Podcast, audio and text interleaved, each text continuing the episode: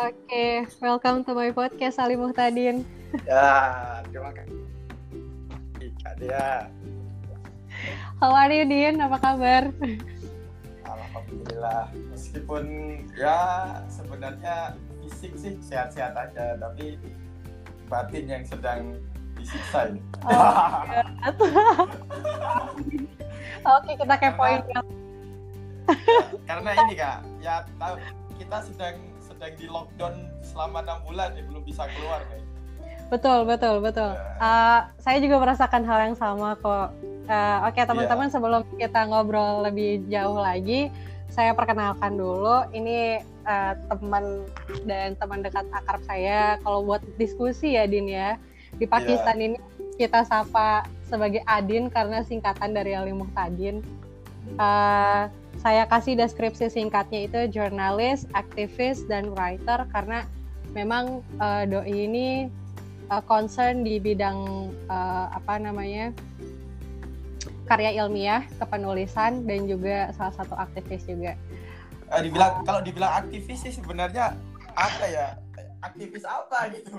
Saya juga bingung. Ya jelas uh, punya rasa uh, kepekaan sosial sih yang yang, yang saya pikir itu yang bisa menonjol. Gitu.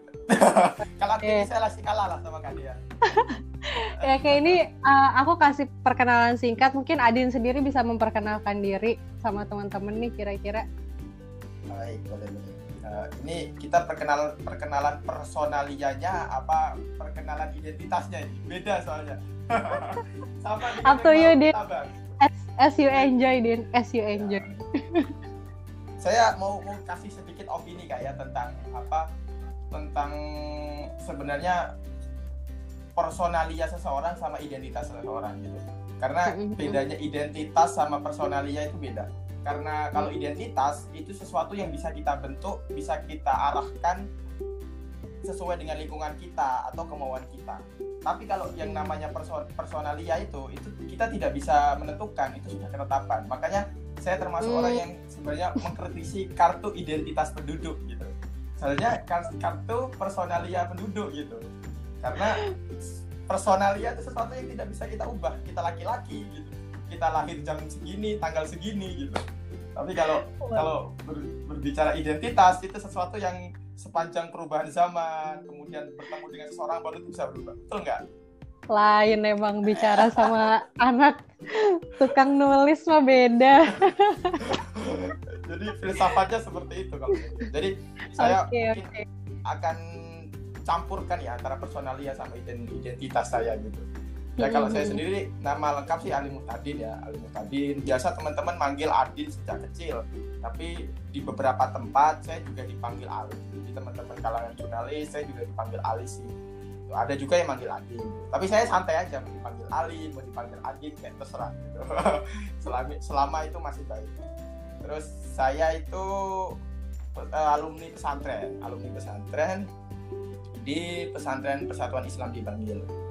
Jadi eh, kalau kalau kita kenal dulu ada tokoh namanya Ahmad Hasan. Nah, beliau adalah pendiri dari pesantren Persis Bangil. Nah, saya lulus tahun 2014. Mungkin sama juga ya sama Kak Dea ya, lulus dari Gontor 2014 Iya. ya. Nah, Berarti berap- kita.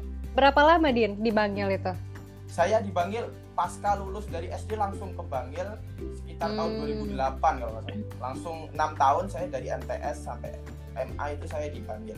2014 saya lulus bareng Kak Dea. Hmm. Nah, cuma perbedaannya ini saya sedikit cerita tentang sejarah saya. Kenapa juga saya bisa masuk ke Pakistan gitu ya? Boleh, boleh, boleh, boleh. Eh, jadi eh, saya lulus 2014. Saat itu saya ingin melanjutkan kuliah ke salah satu universitas di luar negeri, tapi bukan Pakistan.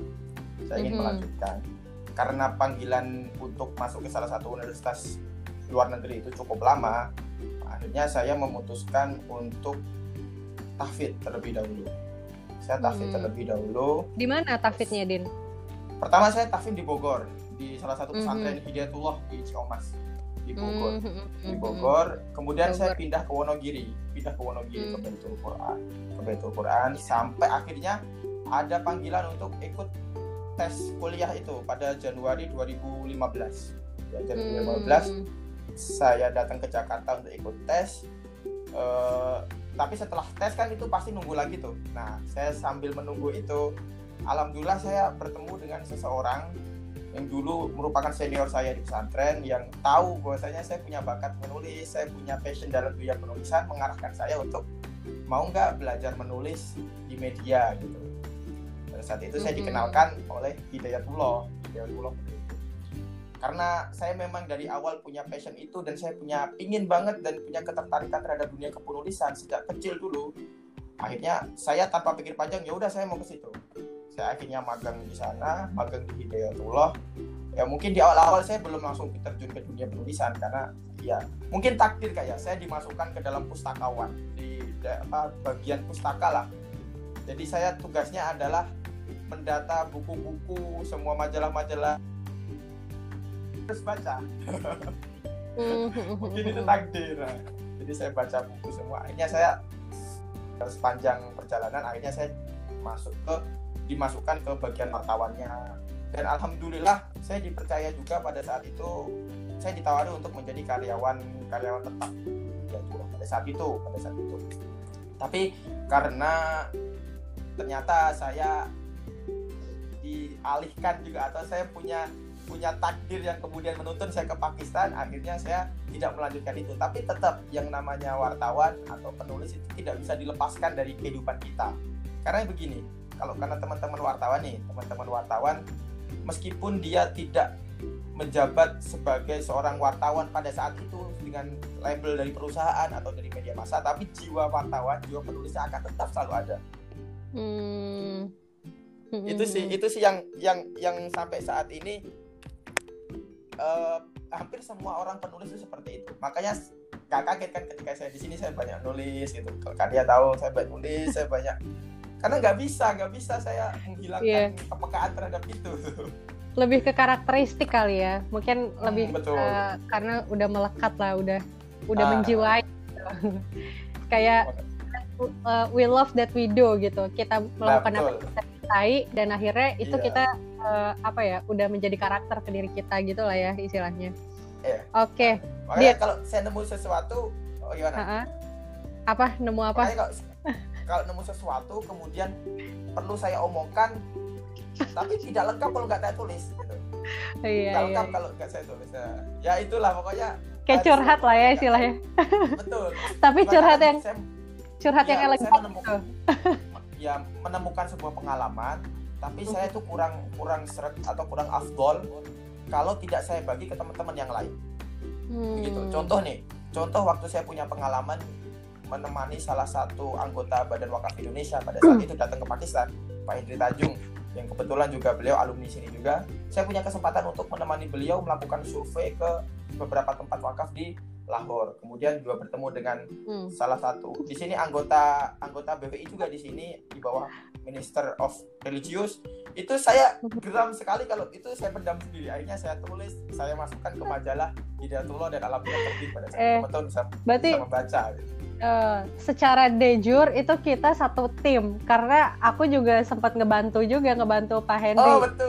Oh, iya, secara betul. de facto kita berpisah. tapi kita punya punya satu satu garis frekuensi yang sama ternyata iya betul betul betul oke okay, Din masuk karena ya, kebetulan ya. aku uh, ya baru-baru ini demisioner juga dan uh, ketika aku uh, apa ya menjabat sebagai aktivis di Timur Tengah uh, you are go, uh, got the best ten dari uh, apa namanya kita ngadain kompetisi, kemudian kompetisi itu diadakan di seluruh penjuru Timur Tengah, and you got dari 10 besar itu gitu. Dari 10 besar itu kamu ada di dalamnya. Nah itu uh, what do you feel gitu ketika itu? ya jelas begini kan uh, awal ya saya cerita tentang kalau ditanya tentang gimana perasaan saya sih bisa bisa terpilih sebagai 10 yang terbaik di antara beberapa peserta yang yang daftar pada saat itu. Jujur ya rasa bangga terhadap diri sendiri pasti ada kak. Cuma saya merasa gini saya merasa eh, ketika awal saya takut bahwa apa yang saya dapatkan ini menjadi senjata saya sendiri untuk saya tidak paham terhadap apa yang saya tulis itu nah mm-hmm. saya akhirnya mencoba untuk membuat suasana hati saya atau suasana kebanggaan saya itu menjadi sesuatu yang lumrah gitu karena begini mm -hmm. ketika ketika saya daftar pun saya kalau Kak Dea masih ingat ketika saya daftar ke Kak Dea saya kan bilang Kak jangan bilang siapa-siapa kalau saya daftar gitu kan ingat gak ya yes saya bilang saya bilang seperti itu karena yeah. saya takut gini saya takut ketika saya daftar niat saya menjadi berubah ketika seseorang orang-orang lain itu tahu niat saya menjadi berubah akhirnya saya tidak mendapatkan sebenarnya apa sih yang saya kejar ketika saya ikut kompetisi itu gitu betul, apakah betul. hanya sekedar prestis atau sekedar sekedar saya ingin diakui orang-orang bahwasanya saya adalah seorang writer saya adalah seorang penulis saya adalah hmm. seorang giat literasi dan lain-lain saya, saya takut terjebak oleh itu meskipun secara ya, ya hmm. betul meskipun secara wajar itu manusia pasti menginginkan menginginkan itu itu lumrah tapi saya mencoba untuk membentengi itu dan manage bagaimana saya bisa bersikap biasa saja dan menganggap bahwasanya ini sebagai awal untuk saya lebih berkarya lebih lebih tinggi dan lebih berat lagi seperti itu. Jadi ketika hmm. saya ada tahu saya termasuk yang 10 yang terbaik bagi saya saya pasti oh, ternyata saya layak untuk layak tulisan saya layak untuk dipublikasikan. Ternyata tulisan saya layak untuk dilihat semua orang. Dan bagi saya ini adalah sebuah tanggung jawab saya untuk saya bisa lebih dari itu untuk saya bisa lebih memaknai apa sih sebenarnya yang saya tulis itu. Jadi bukan hanya sekedar saya ingin dapat prestis itu bukan.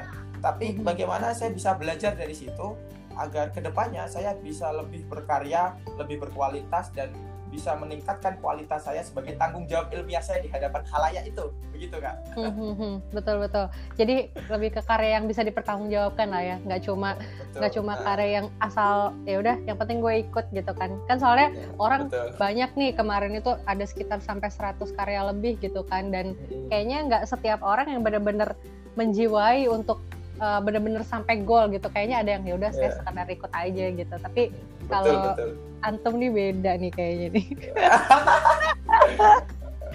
Oke okay. Din lanjut Din. Yeah.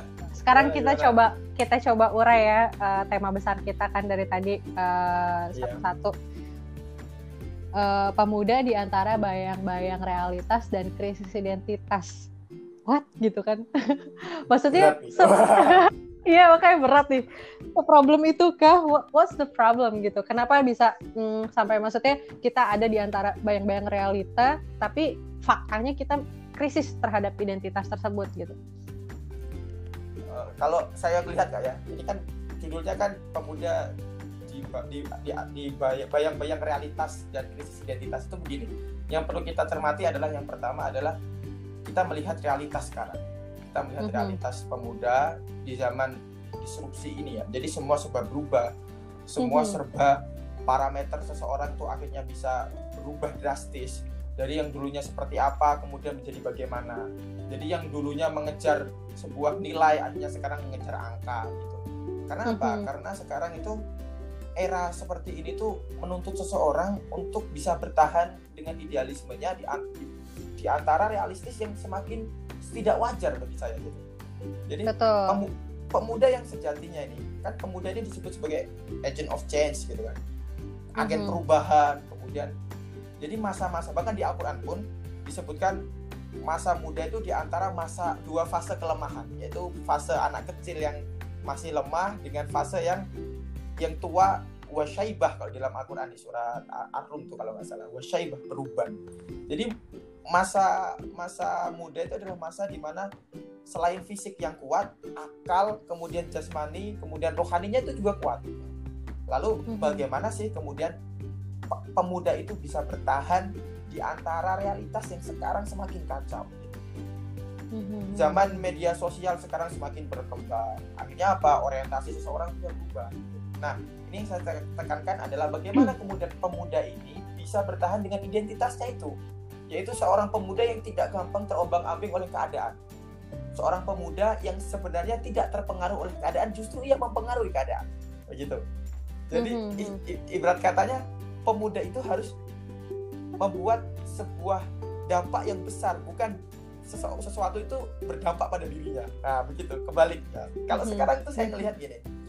Ya, mungkin juga saya dengan keadaan saya atau lingkungan saya yang seperti ini, mungkin saya banyak berpikir akhirnya karena ya yaitu mungkin jiwa jurnalis saya masih masih melekat jadi segala bentuk kejadian selalu saya kait-kaitkan selalu bentuk kejadian selalu saya analisa saya saya pikir lah kenapa bisa seperti ini gitu. nah, itu mm-hmm. realitasnya adalah sekarang orang pemuda ini haus akan eksistensi karena apa mm-hmm. karena media sosial sekarang menjadi parameter seseorang untuk bisa terkenal itu yang akhirnya menjadi parameternya para pemuda sekarang. Dan itu sebenarnya wajar kan sebenarnya wajar. Yang tidak wajar adalah seseorang pemuda itu kemudian tidak sadar dan hanya mementingkan sebuah eksistensi itu tanpa mengetahui hmm. bahwasanya esensi dari itu apa gitu. Itu yang menjadi tidak hmm. wajar. Makanya identitas itu adalah dibentuk bagaimana seseorang itu bisa membuat esensi dari sebuah eksistensi itu. Uh, akhirnya berimbang. Oke. Okay. uh, gitu. Eksistensi ver eksis Iya ya, eksistensi versus esensi ya ini kali Betul. ini. Jadi iya. uh, saya juga ini sih Dian nge, uh, sempat apa ya sempat ngelihat uh, conversationnya Agnes Monica sama Najwa Shihab terkait uh, sekarang kayak Agnes Monica itu kan you are famous gitu. Kamu sekarang yeah. dapetin apa yang kamu mau, kamu uh, apa namanya terkenal di mana-mana gitu. Tapi apakah itu yang kamu cari gitu kan kata Najwa. Terus betul. ya Agnes bilang sebenarnya ibu saya nggak bilang gitu. Ibu saya bilang kamu jangan fokus ke fame-nya kamu fokus ke hard work-nya gitu. Yang penting kamu kerja keras karena orang lain sebenarnya ketika kamu di atas akan menilai gitu. Ketika kamu di atas itu sebenarnya yang kamu cari itu apa? Apakah emang benar karena goal kamu kerja keras kamu atau emang karena famousnya yang kamu cari gitu dan itu betul betul betul. setuju. uh, mungkin itu, itu kelihatan juga ya apa yang maksudnya ya di circle pemuda kita gitu yang kita ya, rasain gitu. Karena begini kak. Aduh. Mentalnya begini. Mm -hmm. jadi uh, kalau sekarang kita itu banyak sekali melihat teman-teman atau pemuda-pemuda sekarang itu yang karena sebuah pengakuan atau sebuah ingin dikenal, ingin dilihat itu akhirnya yang dilakukan apa? Akhirnya dia berusaha untuk menunjukkan bahwasanya siapa aku gitu dia menunjukkan mm -hmm. ke seseorang aku tuh siapa gitu dia berkoar-koar kemudian dia mencoba untuk menghalalkan segala cara untuk orang-orang itu mengakui bahwasanya siapa sih dia padahal tanpa kita menunjukkan siapa kita cukup kita menunjukkan kita bisa apa dan kita apa yang bisa kita lakukan orang akan menilai kok siapa kita begitu mm -hmm. contoh nih contoh contoh adalah mm -hmm. ketika saya compare dengan sesuatu yang lebih general lebih general, tidak spesifik. Nanti teman-teman bisa juga bisa bisa lihat dengan contoh yang lebih spesifik lagi, tapi saya compare dengan sesuatu yang lebih general. Contoh adalah ijazah. Ijazah itu sekarang menjadi hal yang sangat penting banget di mana pun, terutama di Indonesia. Dan saya setuju juga untuk mengukur mengukur kapasitas seseorang itu adalah dengan dengan sebuah kertas, dengan sebuah legitimasi ijazah itu. Tapi akhirnya di lain itu adalah dampaknya itu juga berdampak buruk kepada seseorang mahasiswa atau seorang murid. Mm-hmm. Contoh, mm-hmm. Kak Dea kan baru saja didapat gelar ya, masya Allah. Allah nih Kak, congratulations nih, sudah LC nih ya. ya itu Min. Kak, Kak Dea kan, Kak Dea sekarang dapat ijazah dari IIUI sebagai uh, eh, BS apa BS jurusan tafsir ya, jurusan tafsir kak ya? Iya. Di sini general sih, semuanya BS dipukul rata. Hmm, gitu. Bachelor of Science gitu. Hmm. Jadi Kak Dea tidak perlu menunjukkan ijazah Kak Dea ke semua orang. Karena hmm. bukan bukan itu sebenarnya yang diperlukan oleh masyarakat. Tapi cukup hmm. Kak Dea memberikan manfaat, memberikan ilmu Kak Dea kepada masyarakat bahwa Kak Dea punya kapasitas di bidang tafsir, Kak Dea punya kapasitas keilmuan, keagamaan di bidang Al-Qur'an, orang akan bertanya, dia Aulia itu siapa sih? Kok dia paham sekali dengan tafsir-tafsir Al-Quran? Akhirnya akan bertanya. Orang akan bertanya kemudian akan menemukan bahwasanya dia Aulia adalah seorang mahasiswi alumni IIUI jurusan tafsir. Itu sekarang yang tidak disadari oleh teman-teman. Karena apa? Karena hanya parameter seseorang sekarang adalah sebuah legitimasi dari masyarakat dengan bentuk sertifikat, dengan bentuk surat-surat yang menunjukkan bahwasanya dia pernah melakukan itu tanpa dia menunjukkan kemampuan dia di bidang itu. Itu sekarang. Oke, okay. alright. Aku juga jadi ingat ini statementnya uh, Pak Rocky Gerung. Bung Rocky itu pernah bilang gini, sebenarnya saya itu kuliah berkali-kali gitu kan di di UI pun gitu kan dia sampai ngambil filsafat dua kali kalau nggak salah tapi ijazahnya Iya, nggak ada yang saya ambil karena menurut saya ijazah itu bukan ijazah hanya syarat seseorang itu pernah sekolah bukan pernah berpikir gitu. Betul. jadi meskipun meskipun dia apa ya dia punya ijazah belum tentu dia udah lulus dalam berpikir gitu. Makanya eh, saya juga kalau misalkan eh, ngobrol-ngobrol gitu ya sama teman-teman yang senengnya mikir gitu mereka bilang udah deh se- sekarang untuk Indonesia jangan dulu ngajak berpikir kritis. Ajak mikir dulu aja mau apa enggak gitu. Betul betul. Gini ada satu Itu sih. satu, satu hal yang saya pelajari dari dari dari Cak Nun FH Ainun Najib kalau teman-teman pernah pernah ikut Ma'ian bareng beliau. Jadi eh, mental seseorang pemuda saat ini tuh lebih kepada seorang taker. Bukan seorang yang pemberi. Tapi mentalnya take Hmm, mentalnya itu pokoknya saya mau mengambil sesuatu saya nggak mau memberi. Padahal kalau kita mau memberi sesuatu nanti itu juga kembalinya kepada kita kok tanpa kita mengharapkan itu. Itu sudah hmm, janji janji janji agama janji Tuhan yang sudah masyhur di kalangan semua agama bahkan gitu loh. Itu udah filsafat Mhm. kehidupan gitu. Siapa siapa yang siapa yang memberi nanti suatu saat tanpa pengharapan pun Tuhan akan balas itu seadil-adilnya gitu. Nah tapi orang sekarang lebih kepada pokoknya saya mau mengambil. Saya mengambil apa di situ? Akhirnya timbullah sifat-sifat pragmatis sifat-sifat oportunis di dalam sebuah komunitas atau di dalam sebuah lingkup. Akhirnya itulah yang menjadikan seseorang oportunis dan pragmatis terhadap sesuatu gitu. Betul nggak kira-kira seperti itu? Bener banget bener banget. Emang sih jadi eh, kayak apa ya? Mungkin eh, bahasa kasar. Bahasa kasar dari krisis identitas adalah miskin identitas ya nggak sih? Betul. Mungkin lebih apa ya kayak mencari pengakuan gitu seolah-olah eh, kayak aku gini eh, dulu dulu nih sebelum eh, sebelum kit eh, sebelum aku bisa menyelesaikan eh, sarjana aku nih dulu aku berpikir kayak maksudnya wah kayaknya bangga banget nih kalau misalkan nanti suatu saat aku punya gelar SPD atau mungkin LC atau mungkin BS gitu kan yang sekarang. Tapi itu dulu. Nah setelah di tengah-tengah aku kuliah tuh aku ketemu sama profesor dan dia gelarnya itu udah ya Allah kayaknya nggak akan cukup kalau tulis nama undangan nikah itu. Kayak sepur ya sepur. Saking banyaknya gelar ya tapi beliau bilang ketika ditanya gitu kan Pak apakah mau dicantumkan gelarnya? Beliau bilang saya nggak butuh itu gelar duniawi gitu. Maksudnya kalau misalkan saya hanya cuma pegang eh, gelar aja tanpa fakta tanpa aksi yang saya gunakan gitu ya itu akan nihil gitu loh. Jadi pertanggungjawaban saya nanti tuh bukan itu gitu. Sampai bilang ya Allah di situ saya nusuk banget. Jadi maksudnya itu yang membuat saya sebenarnya ini saya udah udah apa ya udah bisa lah menyandang gelar gitu kan. Maksudnya kalau misalkan Hmm. dipakai. Betul. berapa invitation tuh orang pada nanya gitu kan kak sebenarnya eh, perlu dikasih gelar nggak saya sih pengennya nggak usah gitu karena eh, apa ya takutnya malah jadi eh, kita haus pengakuan gitu kan Ya, padahal betul. bukan itu yang kita cari gitu bukan itu yang kita cari kita pengennya ya hanya sebagai apa ya sharing opportunity atau pengalaman gitu bukan betul betul bukan itu satu-satunya goal yang kita cari. Oke, Dim setuju banget ya pokoknya.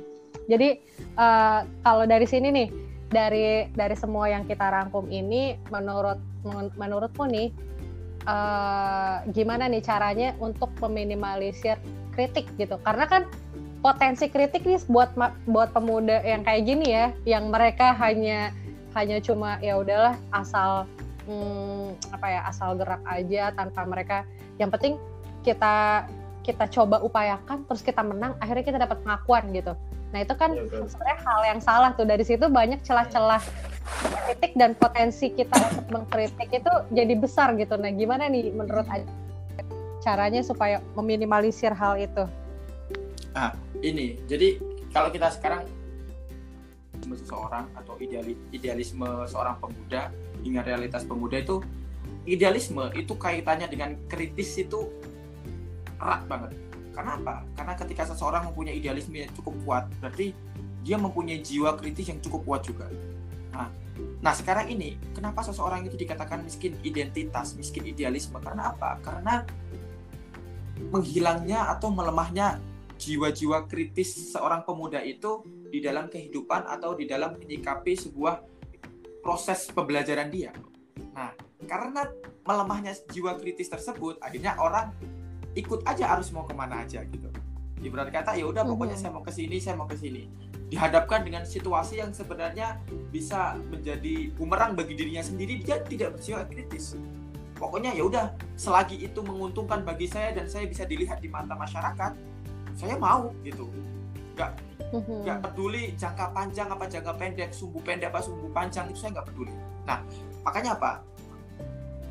Banyak membaca banyak merenungi segala sesuatu dalam falsafah kehidupan kemudian banyak berpikir itu akan menghadirkan seseorang pemuda dengan jiwa-jiwa kritis.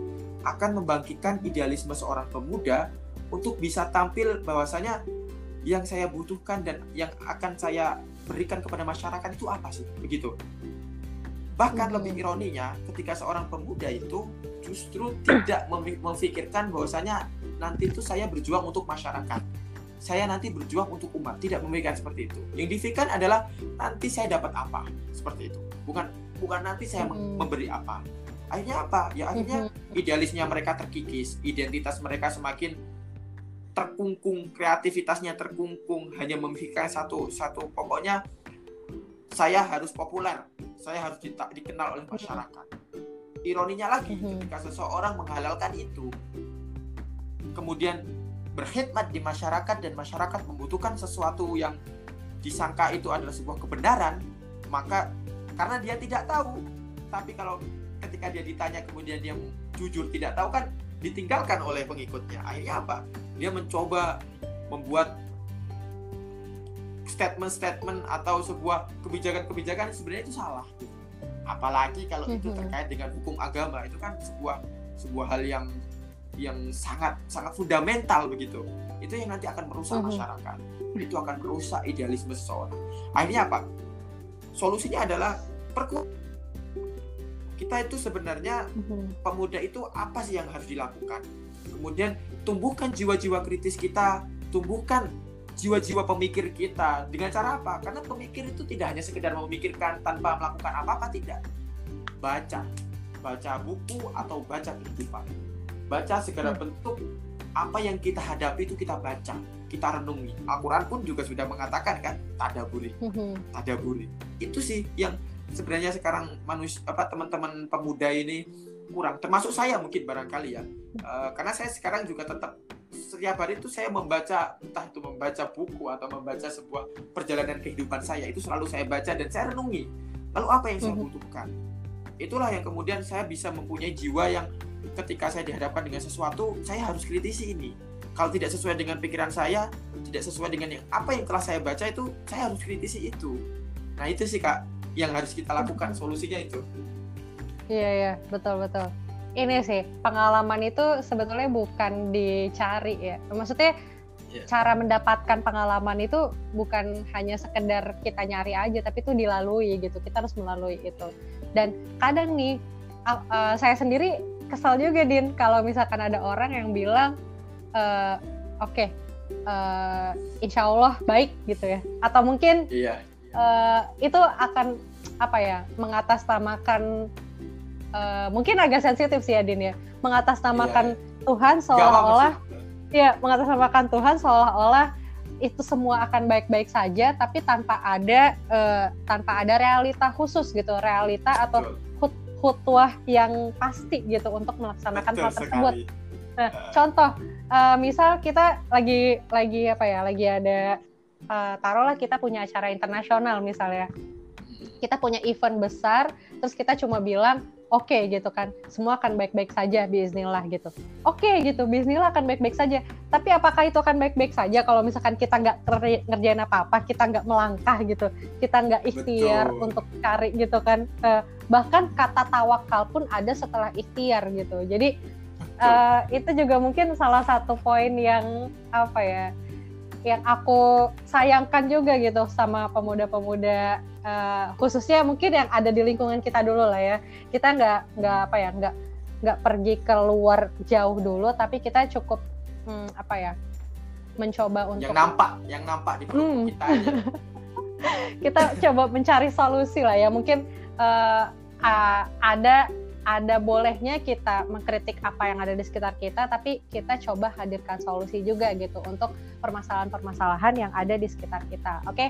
untuk bicara masalah solusi, mungkin kita bisa uh, di next podcast ya, Din ya. Stay tune boleh, sama boleh. kita. Oke, okay. okay. assalamualaikum Ini warahmatullahi sebenarnya, wabarakatuh. sebenarnya juga masih banyak yang kita sampaikan lagi setelah ini. Ditunggu aja. Ditunggu ya. Oke, okay, ya, balik lagi. Okay, ya. ya. Waalaikumsalam warahmatullahi wabarakatuh.